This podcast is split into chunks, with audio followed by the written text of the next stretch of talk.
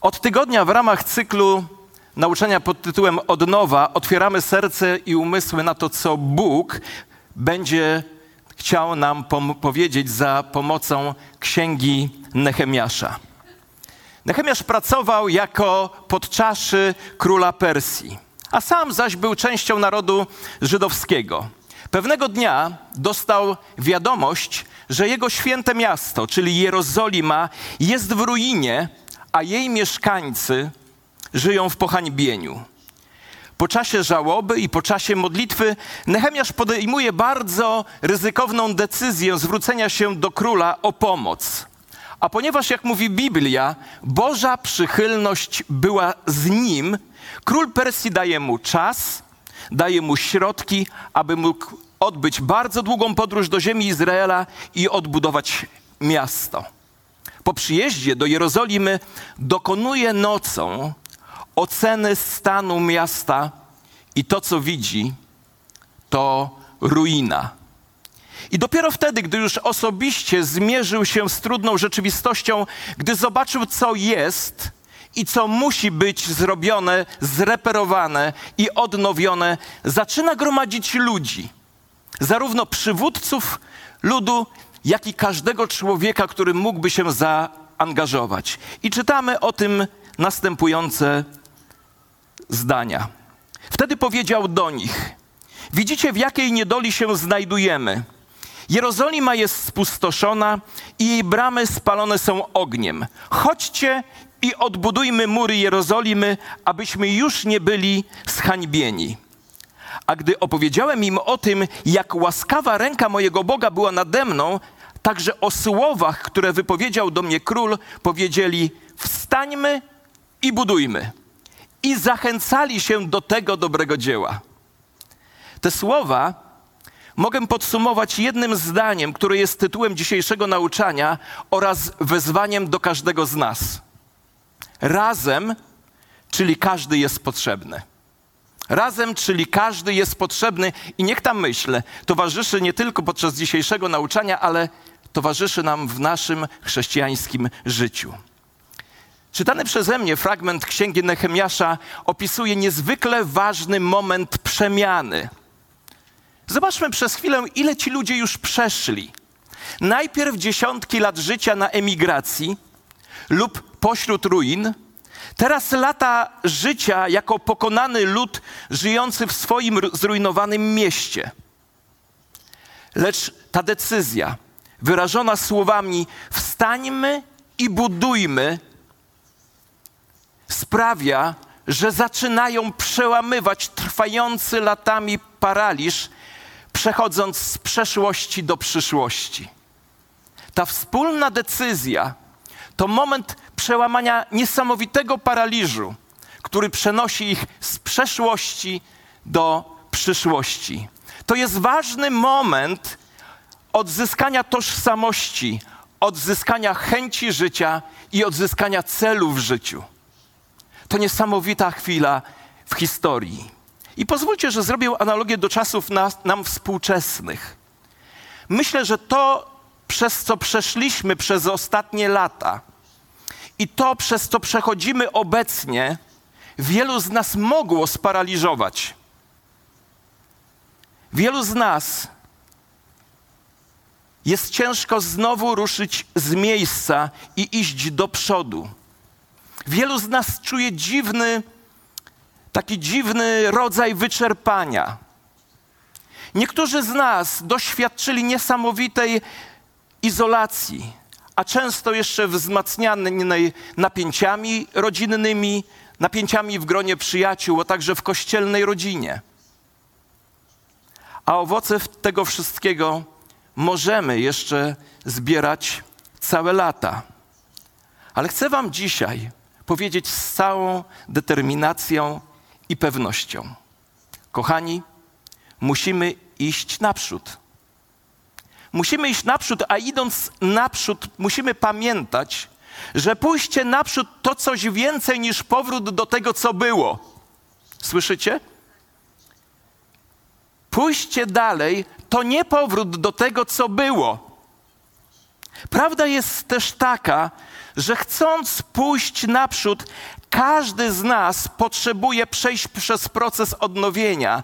Stąd też wspólny czas modlitwy, postu, szukania Pana Boga w Jego słowie, w obecności Jego świętego ducha. A teraz spójrzmy przez chwilę, czego możemy nauczyć się z tej historii płynącej z księgi Nehemiasza. Pierwsza lekcja. Każdy z nas, patrząc na stan obecny, musi zdać sobie sprawę, że nie jest to miejsce, w którym chce zostać i żyć. Każdy z nas, patrząc na stan obecny, musi zdać sobie sprawę, że nie jest to miejsce, w którym chcemy zostać i w którym chcemy żyć. Inaczej mówiąc, spojrzenie na to, co jest, spojrzenie wstecz na utracone rzeczy ma być częścią odzyskania Bożego powołania, a nie miejscem zatrzymania. Mam ochotę powtórzyć to zdanie, żeby ono mocno wybrzmiało. Spojrzenie na to, co jest, i spojrzenie wstecz na utracone rzeczy ma być częścią odzyskania Bożego powołania, a nie miejscem zatrzymania się. Po drugie, każdy z nas, kto chce zmiany, jeśli chce zmiany, musi zacząć budować. To znaczy, że zmiana wymaga porzucenia życia jako konsument do życia jako współbudowniczy. Musimy przejść z bycia konsumentami do bycia twórcami budowniczymi.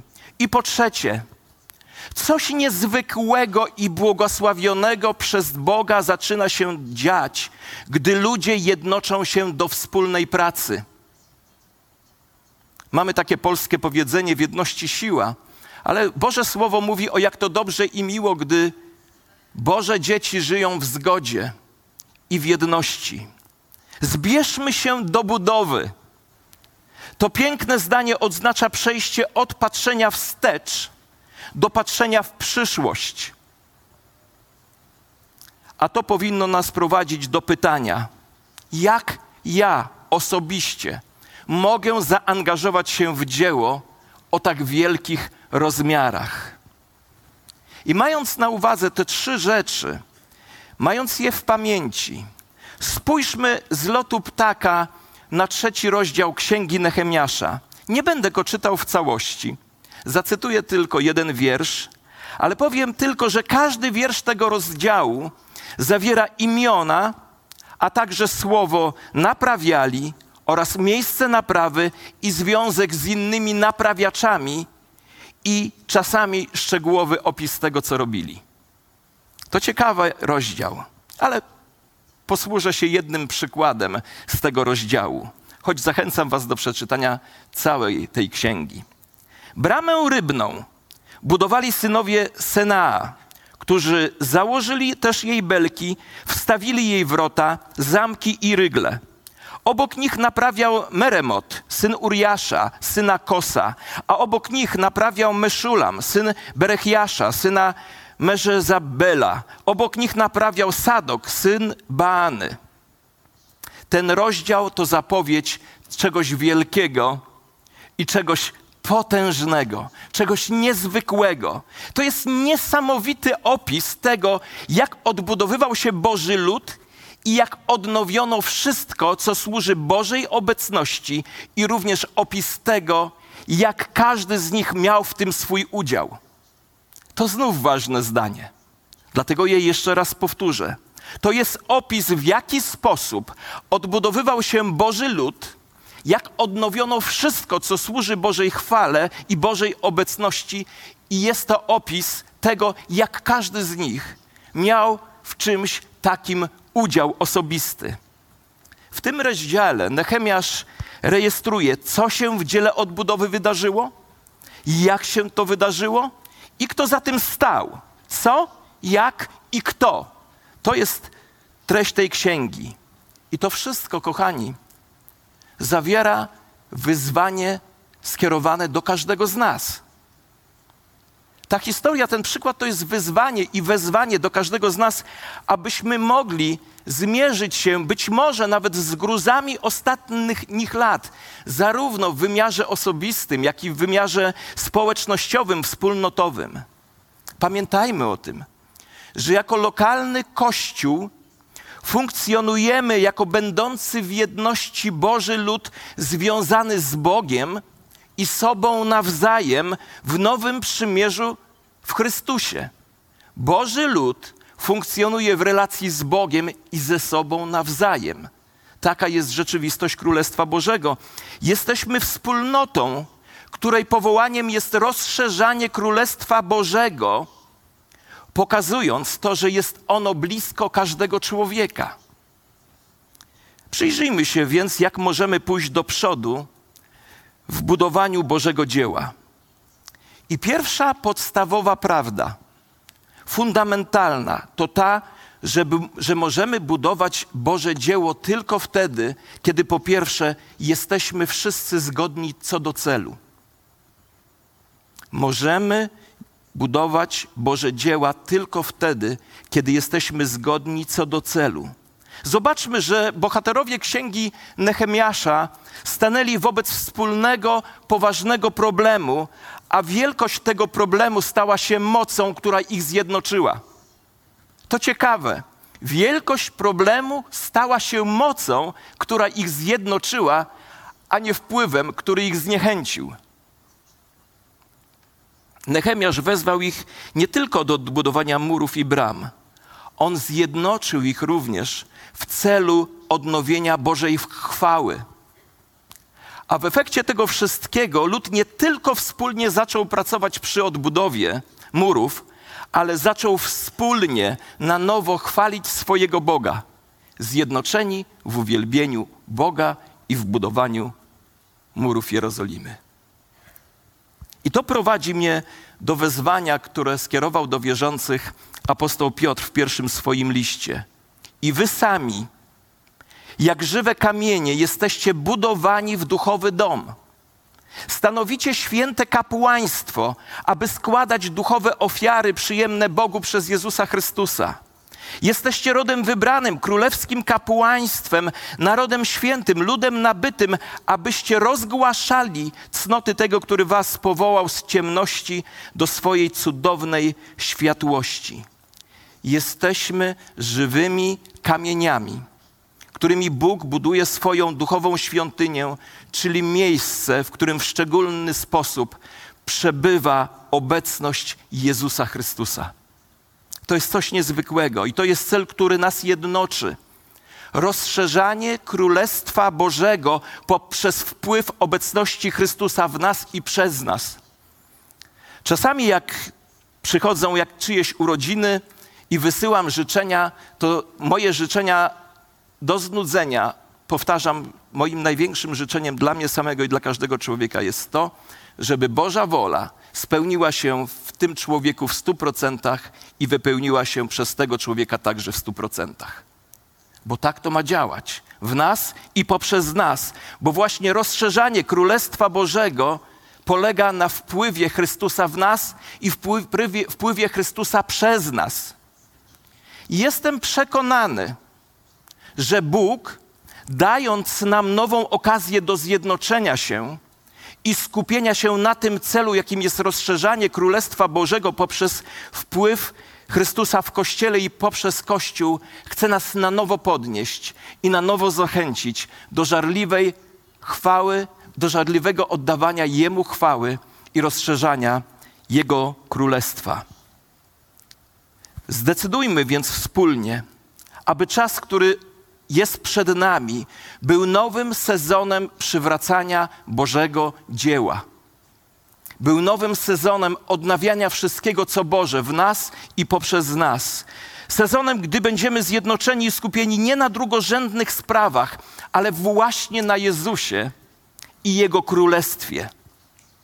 Zjednoczmy się w taki sposób, aby było to wyrażeniem miłości do wszystkich ludzi bo przecież miłość jest tym znakiem, przez który jesteśmy poznawani jako ci, którzy do Niego należą.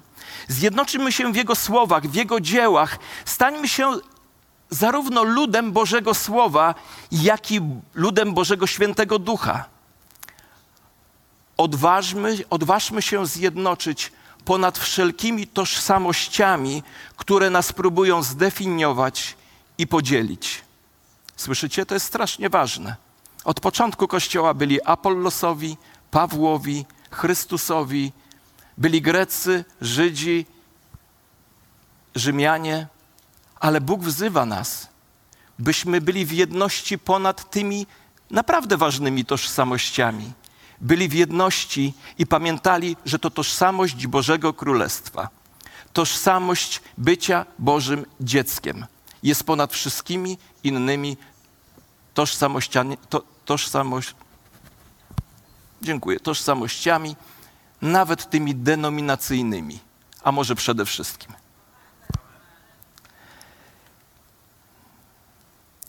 A kiedy będzie nam przyświecał ten cel jedności, jakim jest rozszerzenie Królestwa Bożego poprzez wpływ Chrystusa w nas i przez nas, poprzez wpływ Chrystusa w Kościele i poprzez Kościół, wówczas będziemy mogli przystąpić do tego, jak rozszerzać Królestwo Boże.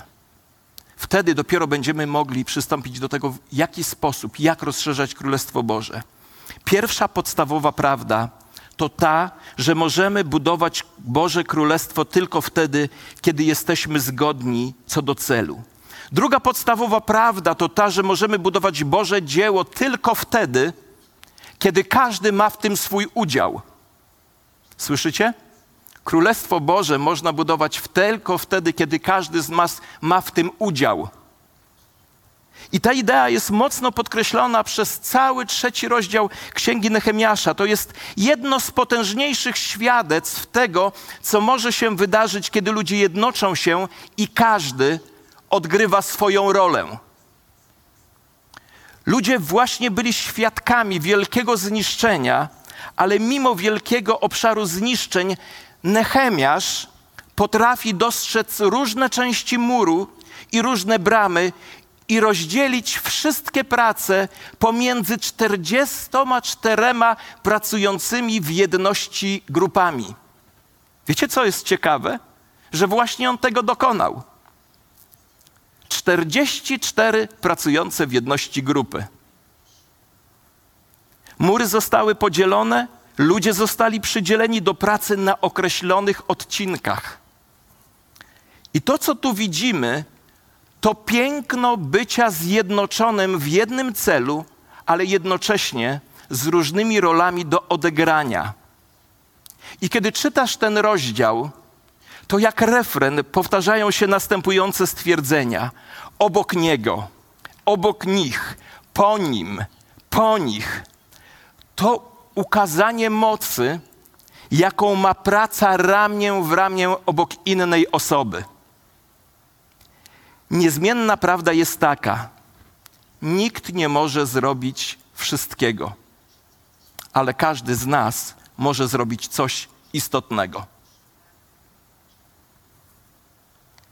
Wszyscy stanowimy, stanowiący Kościół, jak mówi apostoł Paweł w liście do, do Rzymian, mamy różne dary według udzielonej nam łaski.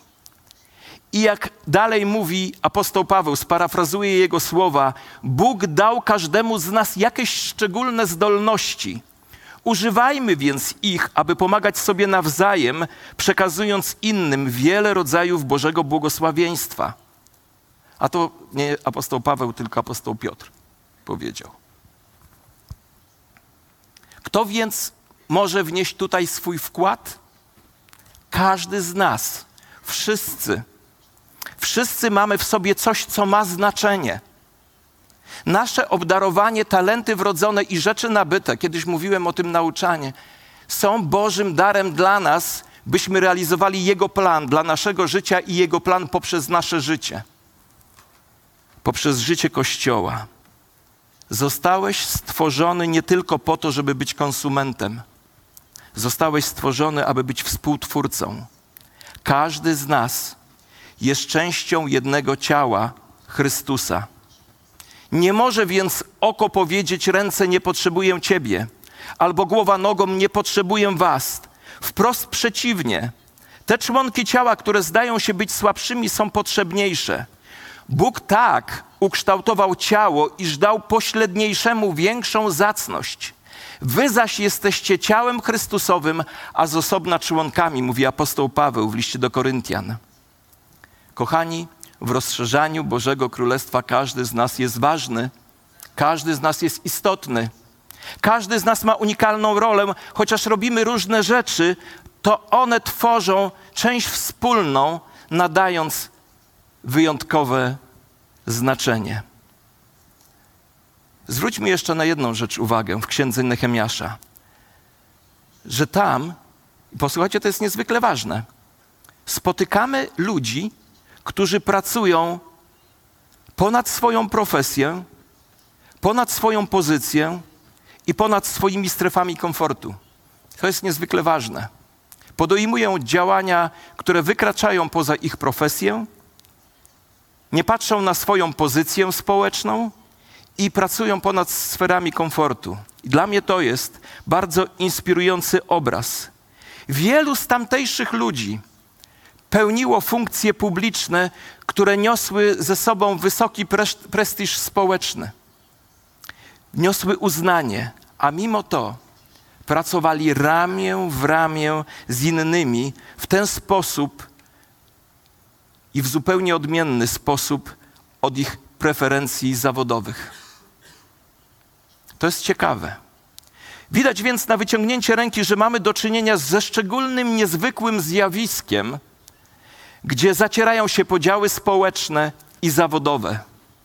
Wiecie, ja w tym widzę odbicie charakteru Pana Boga, który zaprasza nas do przyłączenia się do wspólnej służby, która będzie wykraczać poza nasze różnice społeczne, zawodowe czy status materialny. Ale, żeby nie było tak pięknie, to w tej księdze pojawia się jeden wyjątek. A mianowicie czytamy, że obok nich naprawiali tekoici, lecz ich dostojnicy nie ugięli swojego karku do pracy dla swojego Pana. Słyszycie? Byli ludzie z Tekoa, którzy ciężko pracowali, ale ich dostojnicy odmówili współpracy z nadzorcami budowlanymi. naj, najwyraźniej nie chcieli zrezygnować ze swojej dumy, by pracować w ramach zorganizowanego wysiłku. Wbijmy sobie to zdanie do głowy. Nie chcieli zrezygnować ze swojej dumy, żeby przyłączyć się do wspólnego wysiłku. Robili to ze względu na swoją pozycję, bo nie chcieli służyć pod władzą ustanowioną przez Pana Boga. I Nehemiasz nie ukrywa tego faktu przed nami. Wręcz przeciwnie, kieruje na ten fakt nasz wzrok, byśmy nie naśladowali tego przykładu. I ciekawym jest to, że ten incydent zachęcił innych do jeszcze większego zaangażowania się w służbę. I to mi pokazuje, że najpotężniejszym źródłem, które zbudowało ten mur, było źródło, które płynęło wprost z ich serc. Jedna grupa kierowała się swego rodzaju dumą, podczas gdy inne grupy uważały tę pracę za ogromny przywilej. Różnica leżała w postawie serca, a to prowadzi do ostatecznej prawdy. Możemy budować dzieło Boże, kiedy po trzecie skupiamy się na służeniu Bogu. Słyszycie? Dzieło Boże można budować wtedy, kiedy skupiamy się na służeniu Bogu. Potem powstał najwyższy kapłan, Eliaszib, wraz ze swoimi braćmi kapłanami i odbudowali bramę owczą. Poświęcili ją i wstawili jej wrota. Poświęcili ją aż do wieży Mea i aż do wieży Hananela. Dwa razy w tym tekście czytamy, że poświęcili ją Bogu. Czytamy, że tę pracę, którą wykonywali, poświęcili Bogu. Praca stała się uwielbieniem a to zmienia wszystko. Praca stała się uwielbieniem. Nie wiem, czy pamiętacie, ale kiedyś opowiadałem taką historię, jak po wielkim pożarze w Londynie odbudowywano katedrę świętego Pawła, która została zrujnowana. I zlecono jej odbudowę najsłynniejszemu wówczas architektowi o przepięknym imieniu Krzysztof. I któregoś razu ten architekt ob, yy, obserwował pracę trzech murarzy. Jednego, który był przykucnięty, drugi był na wpół zgięty, a trzeci stał w pozycji wyprostowanej. I wszyscy pracowali bardzo ciężko i bardzo szybko. I architekt zadał pytanie pierwszemu murarzowi: Co robisz? Na co murarz odpowiedział: Jestem murarzem, ciężko pracuję układając cegły, aby wyżywić moją rodzinę. Drugi murarz odpowiedział: Jestem budowniczym, buduję ścianę.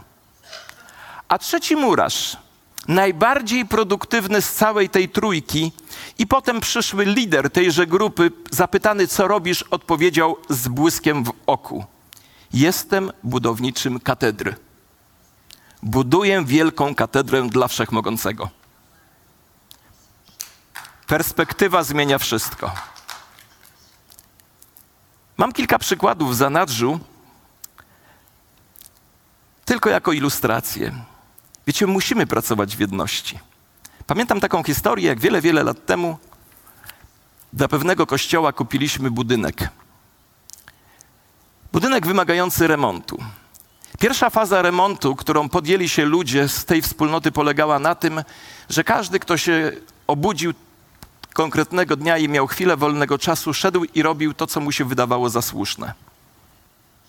Pamiętam, jak któregoś razu chłopak się obudził, pomyślał, że wyjmie stare okna z budynku, no i wyjął. Okazało się, że strop pod, był podtrzymywany na tej belce u góry i wszystko się zawaliło. Brak jedności, brak planu i wspólnego celu sprawił, że ruina się jeszcze większa zrobiła.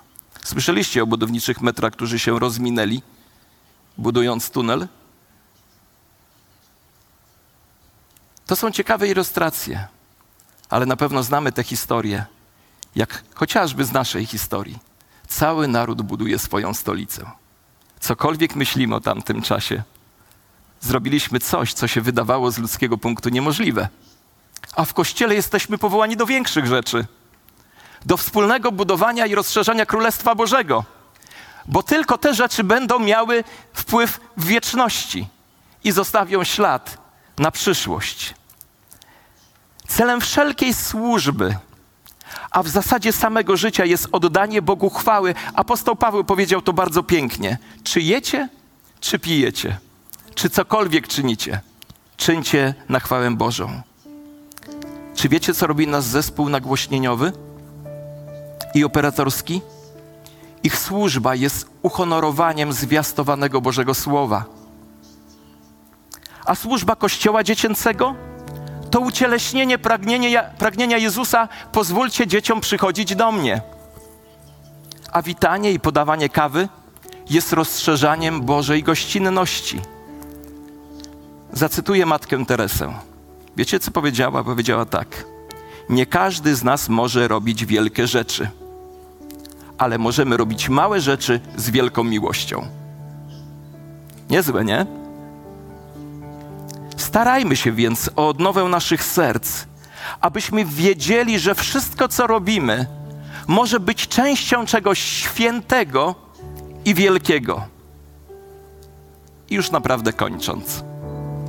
Chcę zakończyć słowem, zostawiając dla nas wszystkich wyzwanie. Obecnie jesteśmy na etapie odbudowania naszego życia wspólnotowego. I każdy z nas, jak tutaj jesteśmy, ma swoją rolę do odegrania.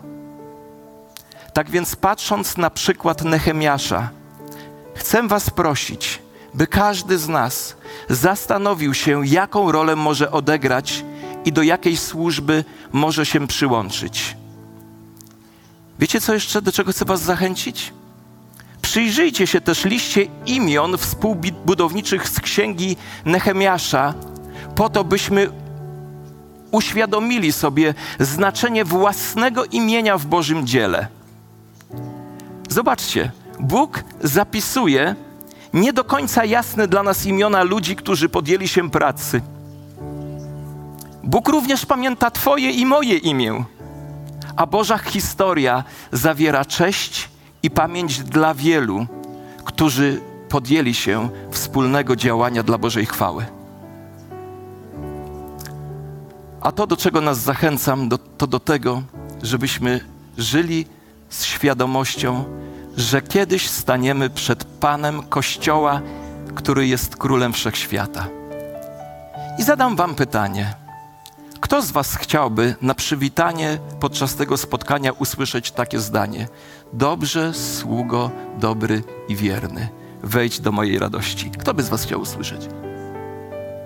Większość z nas. To przyłączmy się do wspólnego budowania w myśl zasady, którą wpoił w nas apostoł Paweł. Niechaj każdy nie baczy tylko na to, co swoje, ale na także na cudze. Bo tylko gdy w taki sposób patrzymy, nie zamykając się w obrębie swojej własnej służby jako świata zamkniętego, ale rozumiejąc, że współdziałamy z innymi, tylko w taki sposób będziemy rozszerzać Królestwo Boże, oddając w ten sposób Bogu chwałę, czyniąc pozytywną zmianę w tym świecie i doświadczając życiowego spełnienia, czego wszystkim nam z całego serca życzę. Amen. Powstańmy i oddajmy Bogu chwałę jeszcze jedną pieśnią.